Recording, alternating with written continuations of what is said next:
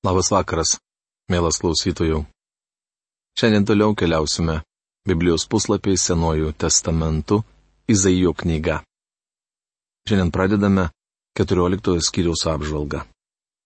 Tema - Tūkstantmetės karalystės įsteigimas po galutinio Babilono sunaikinimo, nuodėmės kilmė ir teismas, bei Palestinos našta.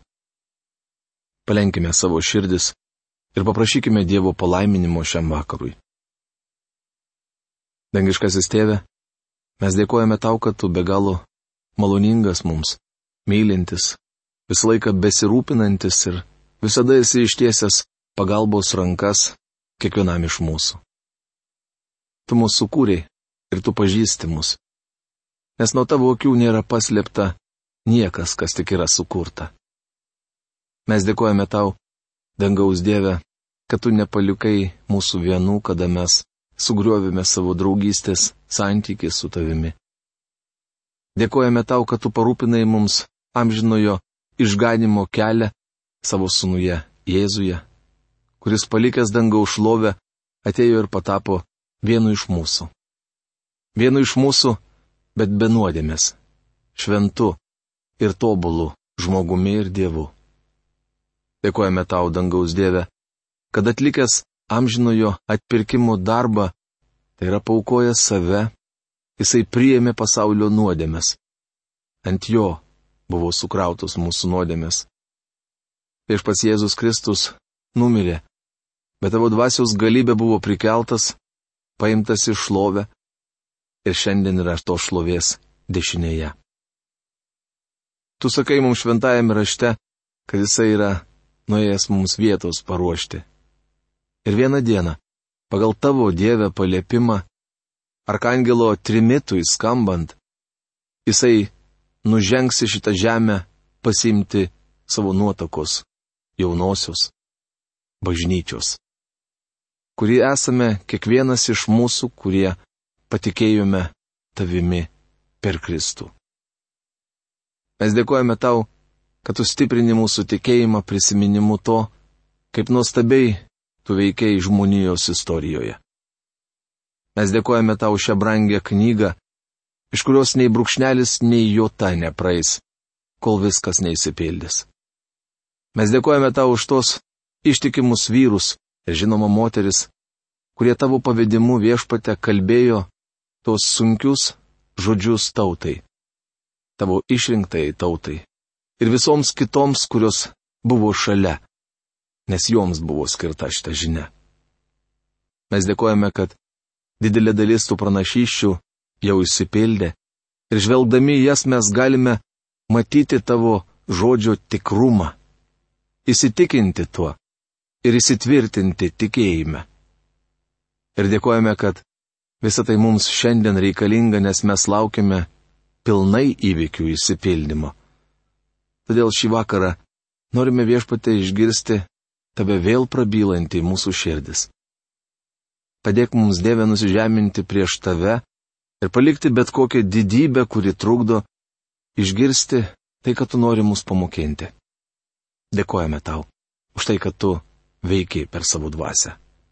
Jėzaus Kristaus vardu. Amen. 13 skyriuje skaitėme ištarmės apie Babiloną pradžią o šiame skyriuje ji tesiama. Kaip minėjome, ištarmė reiškia naštą. Babilono našta - jo laukiantis teismas. Babiloniečiai buvo pirmoji tauta, kurią turėjo ištikti dievų bausmė. Visos tautos, kurioms grėsė bausmė, buvo fiziškai ar politiškai artimus Izraeliui.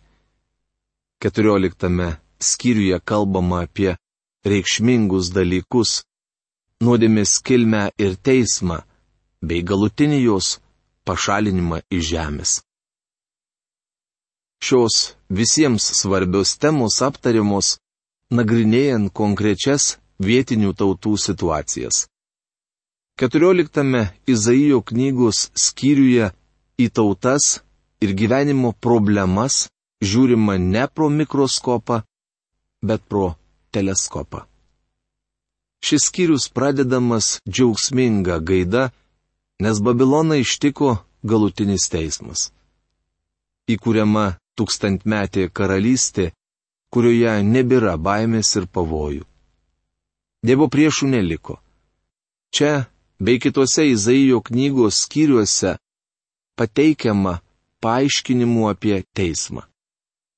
Studijuodami šį skyrių, sužinosime Dievo tikslą ir planą žemėje. Šiame skyriuje šviesa susipina su tamsa. Nuo karalystės džiugesio pereinama prie pragaro bausmės susidurėme su šietonu ir blogio nuodėmės problema. Čia taip pat daug kalbama apie galutinį Babilono sunaikinimą. Šiame kontrastingame ir informatyviame skyriuje rašoma apie Palestinos naštą, kurią tikriausiai priartino staigi karaliaus Ahazo mirtis. Plačiau apie karaliaus Ahazo mirtį rašoma karalių antros knygos 16 skyriaus 19-20 eilutėse. Būsimasis Izraelio sugražinimas į jų kraštą ir karalystės ramybė. Pasigailėjęs Jokūbo, viešpats vėl išsirinks Izraelį ir apgyvendins juos jų pačių žemėje. Tada prie jų dėsis svetimšaliai ir glausis prie Jokūbo namų. Izaijo knygos 14 skyriaus pirmą eilutę. Šioje eilutėje kalbama apie paskutiniuosius laikus. Dievas nuolat kartojo, kad Izraelio tauta bus sugražinta į kadaise jiems dovanotą kraštą. Nemanau, kad ši pranašystė jau pildosi. Kai Dievas sugražins Izraelitus į tą kraštą, jų nevargins aplinkinės tautos. Jiems nereikės Rusijos, jungtinių valstijų ar jungtinių tautų organizacijos pagalbos. Tenai karaliaus viešpats Jėzus. Daugelis žmonių sako tiki tiesioginiu, pažodiniu šventojo rašto įkvėptumu, bet toj pat atsisukę tvirtina, kad šios pastraipos negalima suprasti tiesiogiai. Neigdami tiesioginę šios pastraipos reikšmę, jie neigia šventojo rašto įkvėptumą. Pirmoje šios skyriaus eilutėje rašoma, pasigailėjęs Jokūbo, viešpats vėl išsirinks Izraelį. Izaijas nuolat kartoja šiuos žodžius, kad niekas negalėtų pasakyti, nelabai suprantu, ką tai reiškia, arba tai reiškia kažką kitą. Izraelis juos pasiims, parsives į savo tėviškę ir laikys juos kaip vergus bei vergės viešpatie žemėje, paims į nelaisvę tuos, kurie juos laikė belaisviais, valdys savo engėjus. Izaijo knygos 14 skyriaus antra eilutė. Profesorius Algirdas Juriena šią eilutę verčia taip. Tautos juos parves į jų vietą, o Izraelio namai juos pasisavins tarnais ir tarnaitėmis viešpaties šalyje. Jie paims į nelaisvę tuos, kurie juos buvo paėmę į nelaisvę ir valdys savo prispaudėjus. Bičiuli, tai dar neįsipildė. Tautos šioje eilutėje reiškia pagonis. Čia rašoma, kad pagonys sugražins Izraelitus į Palestiną tačiau iki šiol jie tik trukdo Dievo tautai. Net Didžioji Britanija, turėdama tos šalies mandatą, po antrojo pasaulinio karo neleido žydams grįžti į savo žemę. Tačiau jie vis viena sugrįžo, nes turėjo kažkur vykti. Jų sugrįžimo istorija nepaprastai liūdna ir skausminga. Vėliau žydams įsikurti Palestinoje trukdė rusai kitos tautos taip pat nelinkusios ištiesti jiems pagalbos rankos. Nors viso pasaulio žydai suinteresuoti, kad jų broliai sugrįžtų į jiems priklausantį kraštą, pagonys jiems nepadeda. Todėl galiu drąsiai sakyti, jog pranašystė dar nesipildo. Ta diena, kai viešpats suteiks tau atilsi nuo kančios ir baimių, nuo nuožmios vergyjos, kurioje vergavai. Izaijo knygos 14 skyriaus 3 eilutė. Šiandien savo krašte žydai sukaustyti baimės. Man teko vaikščioti Jeruzalės bei kelių kitų Palestinos miestų gatvėmis, kuriuose gausų kareivių. Taip yra dėl to, kad tauta bijo. Net jei įtampa atslūgtų, žydų nepleistų baime. Jie neturi poilsio nuo kančių. Tu užtrauksi patyčių giesmę Babilono karaliui tai priejo liepto galą engėjas, tai nutilo jo įnirtis. Izaijo knygos 14 skyriaus 4 eilutė. Mano nuomonė, šioje pastraipoje Babilonas simbolizuoja visus Izraelio priešus ir didelę paskutinių dienų kariuomenę. Jos vyriausioji valdyba bus Babilone. Babiloniečiai degė neapykantą Dievo tautai. Viešpats sutrupino nedorilių lasdą, tironų skeptrą, kuris pliekė žmonės įnirtingai be perstojo, smaugė tautas žiaurę priespaudą. Izaijo knygos 14 skyriaus 5-6 eilutės. Šiuose eilutėse aprašomas galutinis teismas didžiojo suspaudimo pabaigoje. Teismas neišvengiamas. Ši žemė turi būti nuteista. Joje pernelyg daug neteisybės. Kažkas privalės įvykdyti teismo nuosprendį ir aš dėkingas viešpačiui, kad to nereikės daryti man. Ačiū Dievui, jis nepavedė to žmonėms. Teisėjo vaidmens imsis viešpats Jėzus. Visa žemė ramiai ilsisi, linksmai valiuoja. Dėl tavo likimo džiūgauja net kiparisai ir Libano kedrai. Nuo tada, kai buvai parblokštas, niekas nebeteina mūsų kirsti. Izaijo knygos 14 skyriaus 7-8 eilutės. Tai apie ką kalbama šioje pastraipoje dar neįvyko. Po Armagedono mūšio ir Kristaus ateimo žemė galės ramiai ilsėtis. Dejonės pakeis valiavimas, po verksmo nakties išauš džiaugsmingas rytas. Paskutinis pasaulio valdovas įmetamas į Šeolą. Šeolas po žemę ruošiasi tave priimti, žadina visų žemės valdovų šešėlius tave pasveikinti ir kelia iš sostų visų tautų karalius. Izaijo knygos 14 skyriaus 9 eilutė. Originalo kalboje žodis šiolas gali reikšti kapą arba kančių vietą. Manau, kad čia turima omenyje antroji šio žodžio reikšmė. Visi prabyla ir sako tau, dabar tu bejėgis kaip ir mes, tu toks pat kaip mes. Tavo didybė ir visa tavo arfų muzika nugramzdinta į šiolą. Tavo golis lervos, o tavo apklotas kirmelis. Izaijo knygos 14 skyriaus 10-11 eilutės. Kai bus sunaikintas paskutinis pasaulio valdovas, neliks jokios žmogiškos didybės ir šlovės. Šetono ir blogio kilmė. Tai nupoliai iš dangaus, aušrinė aušros sunau. Kaip tave sukniubdė ant žemės, tave, kuris išguldėjai tautas. Izaijo knygos 14 skyriaus 12 eilutė. Aušrinis yra Luciferis. Šietonas. Nors 28-ame Ezechielio knygos skyriuje Luciferis vadinamas prakilniausių dievo kūriniu, tačiau jis, kaip ir Judas Iskarijotas, išdavė Dievą. Luciferis darė savo širdį lygę Dievo širdžiai Evangelijos pagal Luką 10 skyriaus 18 eilutėje užrašyti viešpatės Jėzaus žodžiai. Mačiau šetoną, kaip žaiba krintantį iš dangaus. Pirmo Jono laiško trečios skyriaus aštuntoje eilutėje skaitome, kas daro nuodėmę tas išvelnio, nes velnės visas nuodėmėse nuo pat pradžios, Todėl ir pasirodė Dievo sūnus, kad velnio darbus sugriautų. O štai apreiškimo knygos 12 skyriaus 7-9 eilutėse mums sakoma, ir užvirė danguje kova. Mykolas ir jo angelai kovojo su Slibinu.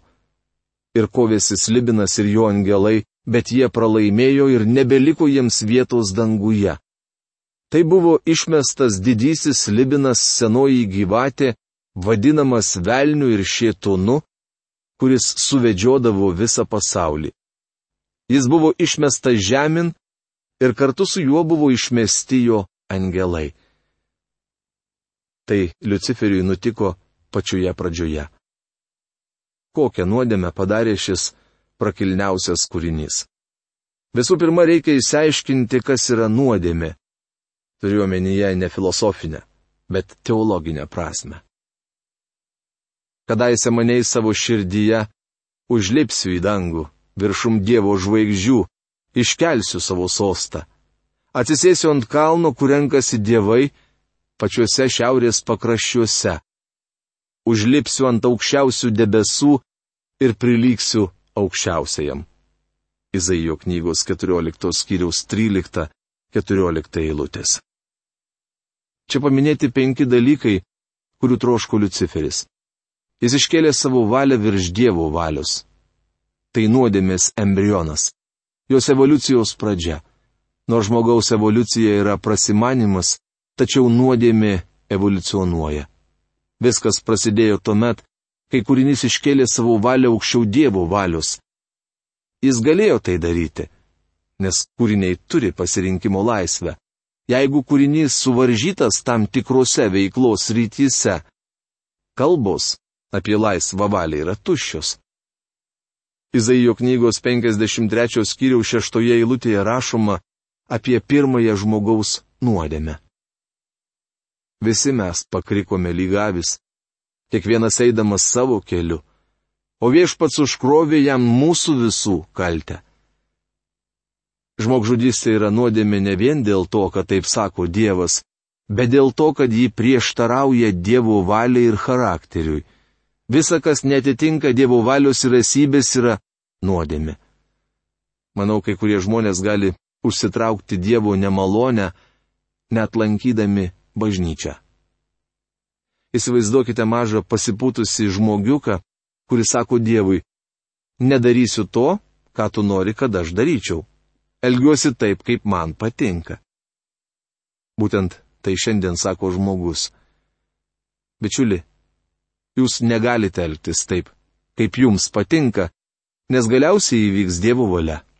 Todėl visi Dievo žmonės turėtų melstis, teisie tavo valia, kaip danguje, taip ir žemėje. Prašoma, tėve mūsų maldoje mato Evangelijos šeštos kiriaus dešimtoje eilutėje. Visa, kas prieštarauja jo valiai, yra nuodėmė. Šitono nuodėmė buvo išdidus pasitikėjimas savimi. Jis nepradėjo girto kliauti ir nieko nepavogė, tačiau paminė Dievo valią. Viešpats sukūrė jį kaip šviesos angelą. Jis buvo aušros sunus, tobulas kūrinys turintis laisvą valią ir galintis rinktis. Tačiau išpuiko. Pasidarė toks išdidus, kad iškėlė savo valią viršum Dievo valios. Šitonas panoro prilygti Dievui. Kitaip tariant, užsigeidė būti Dievu. Jis iškėlė savo valią virš Dievo valios, o tai darydamas, kūrinys užima Dievo vietą.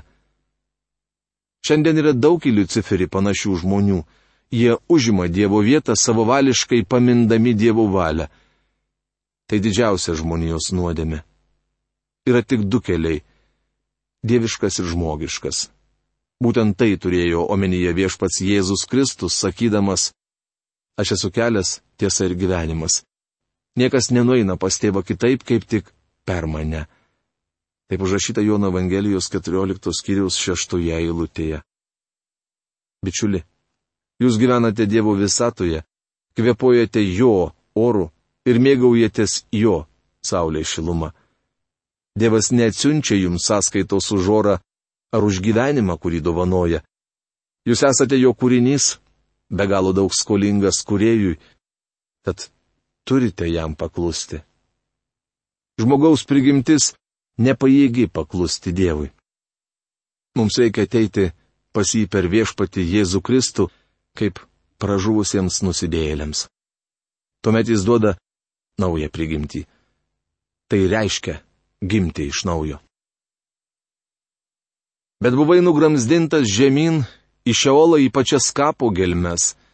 Visi pamatę tave sutriks, žvelgsi tave ir klaus, nejaugi čia tas žmogus, kuris sudrebino žemę ir sunaikino karalystės kuris pavertė pasaulį dykumą, išgriovė miestus, savo belaisviams niekuomet neatvėrė kalėjimo vartų. Izaijo knygos 14 skyriaus 15-17 eilutės. Šetono dar laukia griežtas teismas. Galiausiai jis bus įmestas į ugnies ežerą.